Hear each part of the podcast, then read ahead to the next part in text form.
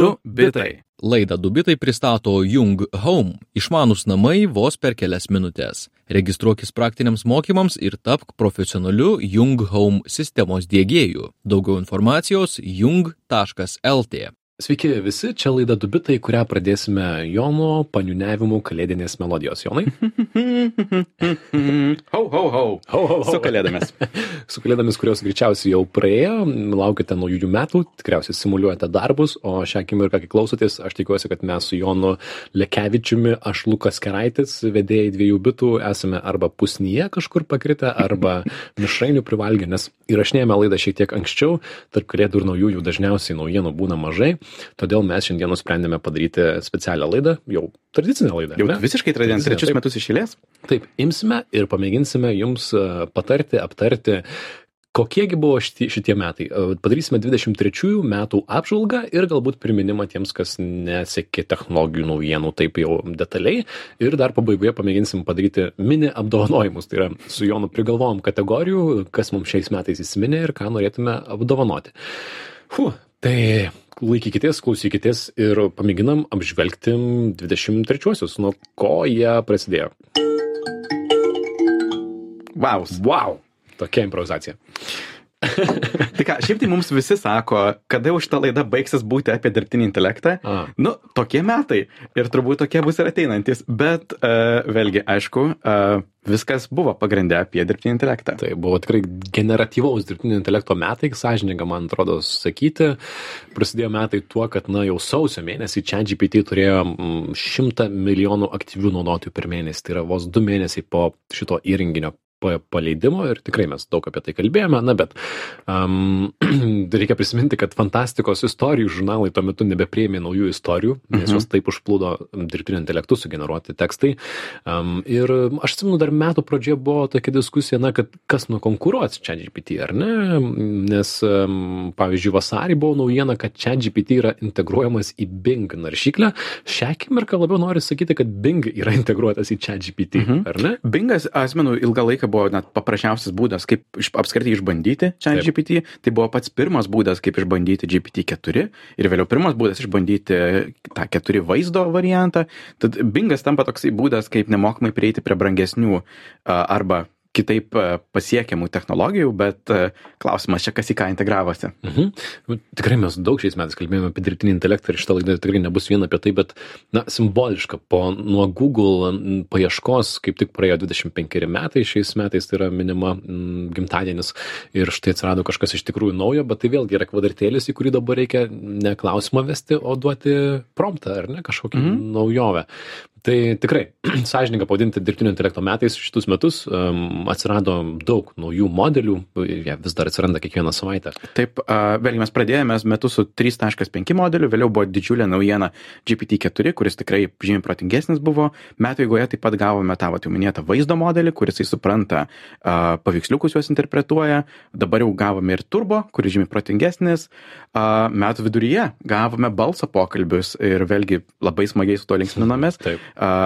Darosi lengviau tą išbandyti, rekomenduoju, dabar jau nemokamai prieinama. E, Didžiulis pasiekimas buvo DALI 3 a, vaizdų generavimo a, algoritmas, kuris žymiai sudėtingesnės užklausas sugebėjo priimti. Na, už tai metų gale gavome dabar ir Google Gemini modelį, visai prieinama, bet pagrindė per bardą. Bet taip pat pabrėšiu, jog ne tik šitie technologijų gigantai metė modelius, bet taip pat visai daug judesio buvo ir atviro kodo atvirų modelių pasaulyje. Um, atsirado kompanijos kaip Mistral, kurios išleido vėlgi puikius atvirus modelius. Uh, Meta išleido Lama 2, kuris žiauriai išpopuliarėjo Mhm. tarp tų servisų, kurie nenori mokėti už kiekvieną užklausą. Ir net tokie dalykai kaip uh, vėlgi Junktinė Ramų Emiratai ir Saudo Arabija išleido Falcon modelį. Tai vadinasi, modelių uh, leidyba tampa tokiu nacionaliniu e, Taip, taip. interesu. Šalis nori turėti savo, savo modelius, ar ne? Nors em, čia ei- eiliniam galbūt žmogui, klausytojui, gal ir ne, ne visai aktualu tie modeliai, aš atsimenu, jau rudenį praeitų metų atrodė, kad šiais metais turėsime daugiau multimodalinių įrankių ir tai yra, na, jau buvo pademonstruota prieš metus rudenį, ar ne, kad e, štai bus galima tavo um, užrašų knygutę apjungti su kalendoriumi, jį apjungti su um, elektroniniu paštu, tai to dėja, na, na buvo tokių prototipų, ar ne, pa- pavyzdžių. Tai to ne visai įvyko. Tai aš dar paminėčiau, kad tai yra šiek tiek ir neišsipildžiusių lūkesčių. Mhm. dirbtiniame Toksai intelekte. atsiskirimas tarp to, ką demonstruoja modeliai, o kaip čia viskas įdomu, ir to taikymas. Mhm. Mhm. Vėlgi, kas mus pasiekia kasdienybėje, ką iš tiesų galim paspausti ir naudoti. Taip. Buvo nemažai baimių dėl dirbtinio intelekto, ar ne? Buvo tas žymusis laiškas 22 berot žodžių, ar ne, kuris kvietė stabdyti mhm. dirbtinio intelekto vystimas, nes jisai vystosi per greitai. Mm, tikrai buvo baimės iškeltos, visi kalbėjo, kaip greitai turėsime bend, bendro, bendro intelekto, dirbtinį intelektą. Mhm. Tai tapo tokia, na, ka, ka, kavos pokalbių tema, mhm. ar ne? Ir bendrai internete tokios dvi gentys labai konkrečios išsiskyrė, tų tokių akceleruojančių į ek vadinamą e, gentis, kurie nori kuo greičiau viską vystyti ir pasiekti utopiją, ir tų, kurie sako, jog visgi laikas sulėtėti, tų efektyv altruistų, kurie mhm. e, nori vėlgi atsargiau žiūrėti visą technologiją. Taip įdomu, nes tai formuojasi naujos beveik filosofinės kryptis. Čia taip, kaip liberalai ir konservatoriai, tai galima sakyti, ir tas atsirado ir dirbtinėme intelekte. Aš manyčiau labai svarbu paminėti ir man tai, mm, sakyčiau, yra metų nuotrauka, galbūt Mhm, metų paveikslėlis, yra popiežius su Balenciaga striuke. Tai yra netikras paveikslėlis, kurį matėme, pala čia nebuvo ruduo, praeitų, čia buvo šiais metais, čia buvo dar gal praeitais metais, gal šiek tiek pankstam. Na, šiaip ar taip, jis, tas paveikslėlis pradėjo naują erą, kur, prie kurios jau beveik pripratome, kad tų paveikslėlių sugeneruotų internete, kurie yra nesąmoningi, kur tu žiūri ir, ir galvoji, hm, ar čia dirbtinis intelektas ar ne, tu, tu dabar jau įpratome, aš įpratau per šios metus, buvo ir daugiau tokių nuklydimų, kaip pavyzdžiui, dar metų pradžioje m, buvo interviu, interviu su Šumacheriu, kuris šiaip, šiaip yra ligoninėje, bet jis buvo pakalbintas neva, kalbinant čia GPT ir įsivaizduojant, kad Šumacheris atsakytų. Ir tuo metu tai atrodė gera idėja e, ir buvo greitai sukritikuota, ar ne, pasakojame apie Mhm. tai istoriją. Buvo bendrai tokių bendrai pamokančių ar perspėjančių istorijų, kur mes vienoje laidoje kalbėjome apie tai, kaip e, CNET turi daug virtualių žurnalistų, kurie rašo straipsnius už juos. Taip pat buvo tas mūsų minėtas New Yorko teisininkas, kuris pacitavo neegzistuojančius e, tei- teisinius sprendimus, Mhm. tiesiog pasiklausęs čia GPT teisinio patarimo. Na, o kalbant apie tą generuojamą turinį, tai aš jau dabar pastebiu, jog, na, nedaug, gal, nežinau, 10 procentų ar mažiau nei 10 procentų e, turinio, kurį matau savo Instagramo sraute, yra akivaizdžiai dirbtinio intelekto generuotas. Ir ne visi žmonės tą pastebi. Aišku, neretai yra komentarų apie tai, jog, e, čia netrodo tikra. Bet tai įsilieja į tą bendrą turinio srautą ir darosi sunku atskirti. Mhm, bet turiu menį da- daugiausiai reklamos ar, ar, ar Ne, visko? tuos rekomenduojamus įrašus iš visokiausių paskirų, mm. kur atrodo gražiai, kas nors e, neįtikėtino, pusiau realistiškai atrodo, Mhm. bet iš- kai pasigilinti tikrai netikra. Taip, kalbant apie net- netikrumą gyvenime, jeigu atsimenat, pavasarį turėjau tokių vat, savo nuotykių, tai yra ėjau į pasimatymus su virtualia influencerė, dabar smagu ir jokinga prisiminti, tai yra susira- susirašinėjau ir balsu keičiausi pranešimai su viena pirmųjų tokia, vienos amerikietės influencerės skaitmeninė kopija, už tai susimokėjau berots 5 dolerius, paskui dar 5 dolerius susimokėjau, mm -hmm. tai 10 dolerių už manęs išdirbo.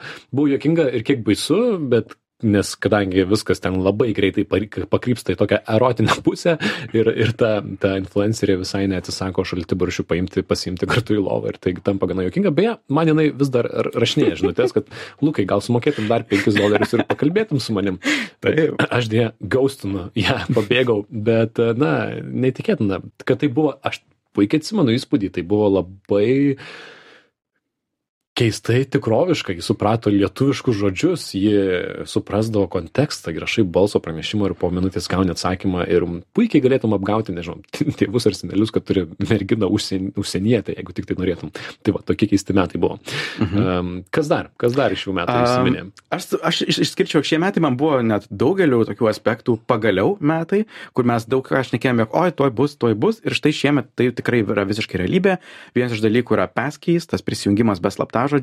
Tai šiemet išėję iOS 17, Android 14 jau pilnai palaiko passkeys ir jau prie Google, prie Apple ir Facebook esu prisijungęs tiesiog prilietęs pirštu uh, savo kompiuterį ir nuskaitęs veidą. Tai realybė. Taip pat Matter, tas naujas išmanių namų standartas, vėlgi visiškai realybė, jau namuose turiu savo veikiantį elektros kištuką per Matter. Tai puiku, pasiekė tą kasdienybę ir net tokie mistiniai dalykai kaip Cybertruck žadėtas prieš, nežinau, 57 metus ar kažkas tokio, vėlgi pasiekė mus. Taip, bet jeigu, klausyti, jeigu neturite peskys arba meter daiktų interneto mm, kažkokių įvykiais, tai nesijaudinkit, nes mm, Jonas gyvena 32 metuose, tai jisai šiek tiek priekyje. Aš irgi neturiu, nors ir pasirodė šiais metais, tiesa, pasirodė. Kita istorija, kas šiais metais įvyko, ir ačiū vienam klausytojui, kuris priminė, kad mes apie tai ne, nepakalbėjome, kaip ko jinai baigėsi, bet vyko Hollywoodo aktorių ir rašytojų gildijos streikas ir be kitų istorijų jisai buvo susijęs su dirbtiniu intelektu. Vyko 148 septynias dienas antras ilgiausias istorijos streikas šešiasdešimt tūkstančių streikuojančių. Aš net sutikau lietuvoje amerikiečių aktorių kurie sako atostogauju nes nevyksta filmavimai. Tai realiai tikrai pa paveikė viską. Um, tai va tai jisai vyko ir galų gale buvo pasiektas milijardo vertės susitarimas, e, e, tai buvo pakelti minimalūs atlyginimai, gerinamos sąlygos, o apie dirbtinį intelektą susitarta su scenarijaus autoriais buvo, kad dirbtinis intelektas negali būti naudojamas scenarijams rašyti ar perrašyti, o dirbtinio intelekto sukurtas rašinys negali būti laikomas pradinė medžiaga. Iš esmės, kad negali ateiti studijos ir sakyti, žiūrėk, mes jau parašėm scenarijų, mm -hmm. tau dabar sumokėsim už 10 valandų ir tu jas nu, padaryk iš to scenarijų scenarijų, ar ne? Ir atiduotas tas visas na reikalas į pačių rašytojų rankas jeigu norite naudokite dirbtinio intelekto įrankius bet tai daug yra įvardinama kaip pirmoji žmogaus pergalė prieš dirbtinį intelektą tai yra jie kaip kaip kaip gildija kaip sąjunga tikrai apgynė savo vardą ir na iškovojo šį tą nors tai buvo skaudu, ten tų milijardų Taip. industrija prarado. Bendrai šiaip turbūt gera pamoka yra tai, jog tos industrijos, kurios turi gildijas ar kažkokias profsąjungas, jos turbūt turėjo šiek tiek geresnį atsparumą dirbtiniam intelektui vien todėl, jog, na, turi tą bendrą darybinę poziciją ir gali dėl apskritai kažko susitarti, nes jei to nebūtų, tai tikrai mhm. atneštų scenarių ir sakytų, tai tu padaryk. Taip, ir jie tapo pavyzdys kitiems, kurie norės, norės dėl to ginčytis. Žinių radio klausytėm priminsime, kad girdite laidą Dubitai. Šiandien bandome trumpai glaustai apžvelgti 23 metus technologijų pasaulyje, kas įvyko, kad prisimintume, užfiksuotume um, dabar tokie pavieniai tikriausiai įvykiai, ar ne, ir prisiminimai, kas darė įsiminė uh, Jonai tau. Keletas smulkesnių dalykų, jo, tai viena šiais metais labai pasijautė vėlgi, jog tas toks um, noras turėti procesorių arba šiaip čipsų gamybą pas save arba palankiose, mažiau rizikingose šalyse labai konkretėja didžiulės investicijos, CHIPS Act, e, investuoti, pavyzdžiui, į procesorių gamybą JAV, TSMC stato tenai nemažai gamyklų, Apple dabar paskelbė, kad žymiai daugiau procesorių gamins ir surinkinės pačioje šalyje. Vokietijoje statomas TSMC fabrikas, tai čipsų Tad dideli pokyčiai šioje dalykoje, šioje srityje, plus su tuo yra susiję ir tokie eksporto kontrolė, ką galima eksportuoti, tarkim, į Kiniją, kuri mhm. laikoma, nežinau, mažiau palankia šalimi, tai Nvidia net turi gaminti specialius, specialius variantus grafikos plokščių, kurios praeitų tą eksporto kontrolę. Tad um, supratimas, jog vėlgi dirbtinis intelektas jis nėra toks vien tik iš oro egzistuojanti technologija, fiziškai jis stovi ant grafikos kortų, procesorių ir tas, kas kontroliuoja ir prižiūri tos to gamybą, iš esmės kontroliuos taip pat ir visą likusią tą gamybos liniją. Mhm. Tad tas supratimas tikrai labai stiprėja. Taip, jeigu 22 metai buvo ta tema, kad e, lustų trūksta, tai 23 buvo, kad lustus gamina ir kas gamina ir kas gamins ir kas investuos daugiau, ar ne, atsigrėbė už 22 metus. Mm, daug pavienių istorijų man noris paminėti, ko, ko mes neapkalbėjome, na pavyzdžiui, tai vyko vasarą, kada dubitai atostogavo, tai juk Kinijos šnipinėjantis oro balionas skrido virš jungtinių valstijų, e, kas man įsimins kaip neįtikėtinas gausybės memų sukūrimo priežastis, be abejo, pakrikė tarp valstybiniai santykiai tarp Junktinių valstybių ir Kinijos, e, na, reikėjo panaudoti brangę raketą, kad būtų nušautas tas balionas ir buvo spėliojama, kam jisai naudojamas, ką jisai sekė, bet tiesą pasakius, specialiai atsinaujinau informaciją apie šitą naujieną ir tiesiog galiu paminėti, kad informacija gana prieštaringa. Cnn štai rašo kad e, tas balionas nerinko informacijos apie amerikiečius. E, The Wall Street Journal kitą dieną rašo kad jie rinko informaciją apie amerikiečius mhm. bet na buvo nutekinti pentagonai. The Wall Street Journal apie, apie tai rašė ir iš to neva sužinojo kad pavyzdžiui net ir patys kinai jų jų jų žmonės buvo nustebę kai sužinojo kad tas balionas skrenda virš amerikos. Tai e, na tokia kažkaip be pabaigos istorija sakykim. Jį surinko amerikiečiai stebuklo neįvyko, bet tragedijos irgi neįvyko, bet uh mhm. -huh. memai buvo labai geri. Ačiū Tikrai tai. taip. uh, iš Apple lauko turbūt didžiausia, nebejotinai nau, didžiausia naujiena, tai yra jų nauja platforma Vision Pro.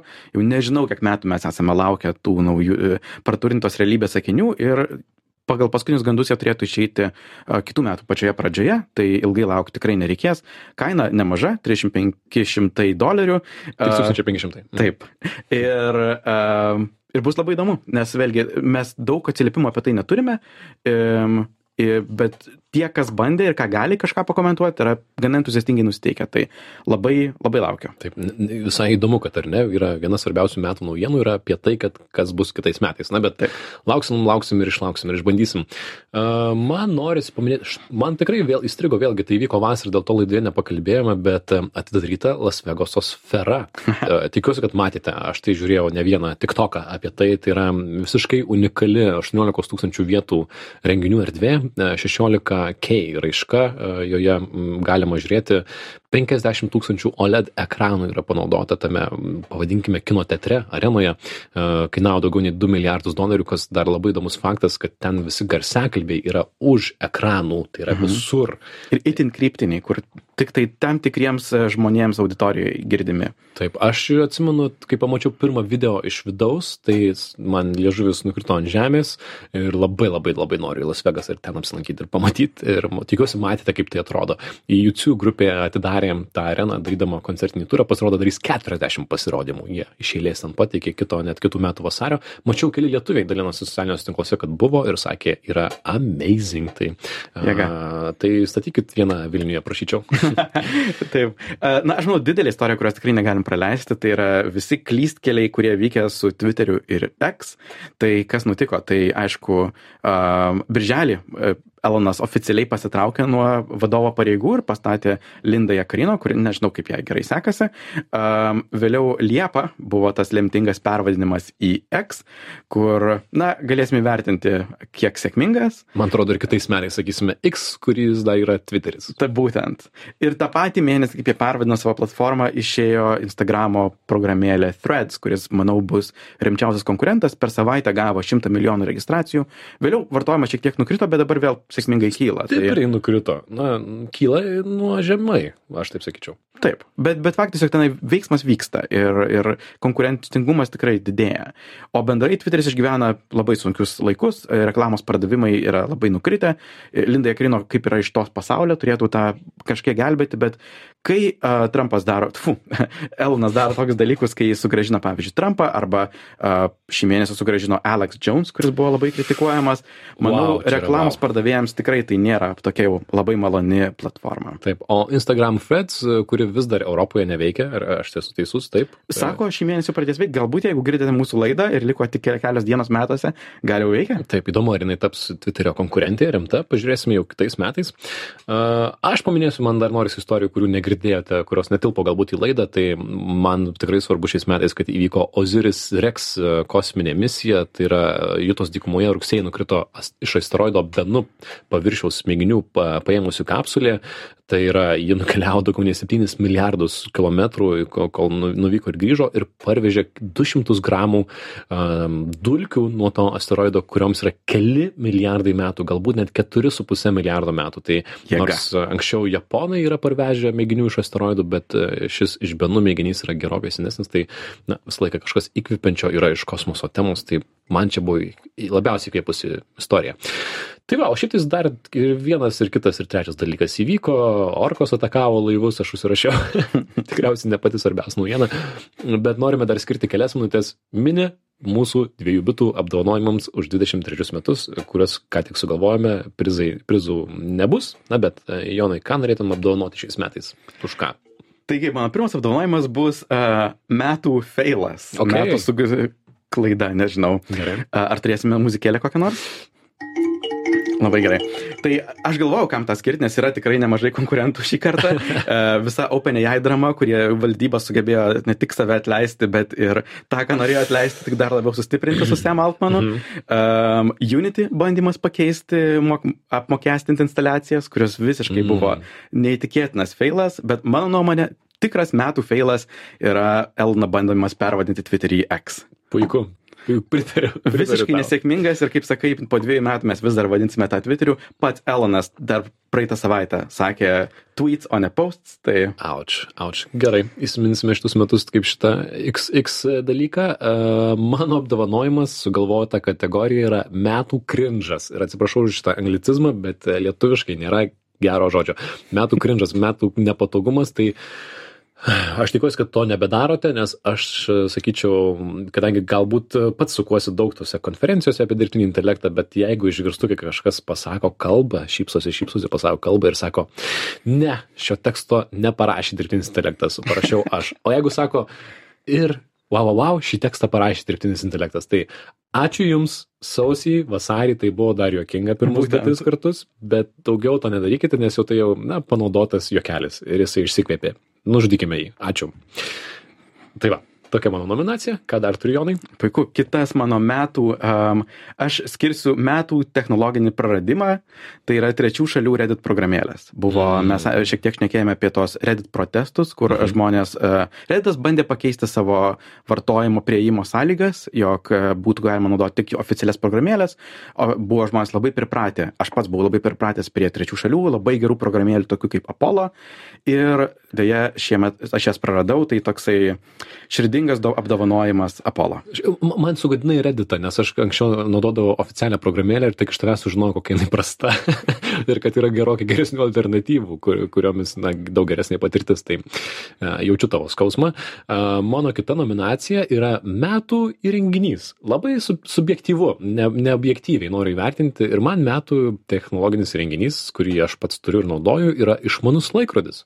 Tada, tada, netgi nesvarbu iš tikrųjų kokios uh, firmos, kokio prekės ženklo, bet noriu pasakyti, kad metų pradžia, tikriausiai sausį jį, jį įsigijau ir labai man padėjo palaikyti sportą. Na, be to, kad šiaip sportavau visus metus labai stengiuosi, bet tikrai leido man jisai, na, prisiminti, kad reikia atsistoti, kad aš čia turiu tų kalorijų sudeginti ir dar kažką ir šiek tiek sužaidybino ir draugiškai mane, na, pastumdavo sportuoti. Tai nuoširdžiai, retai tai būna, bet jisai man padėjo ir buvo naudingas. Ačiū iš manęs laikrodžiui, galbūt kažkam bus aktualu. Žiūrim dabar į savosius.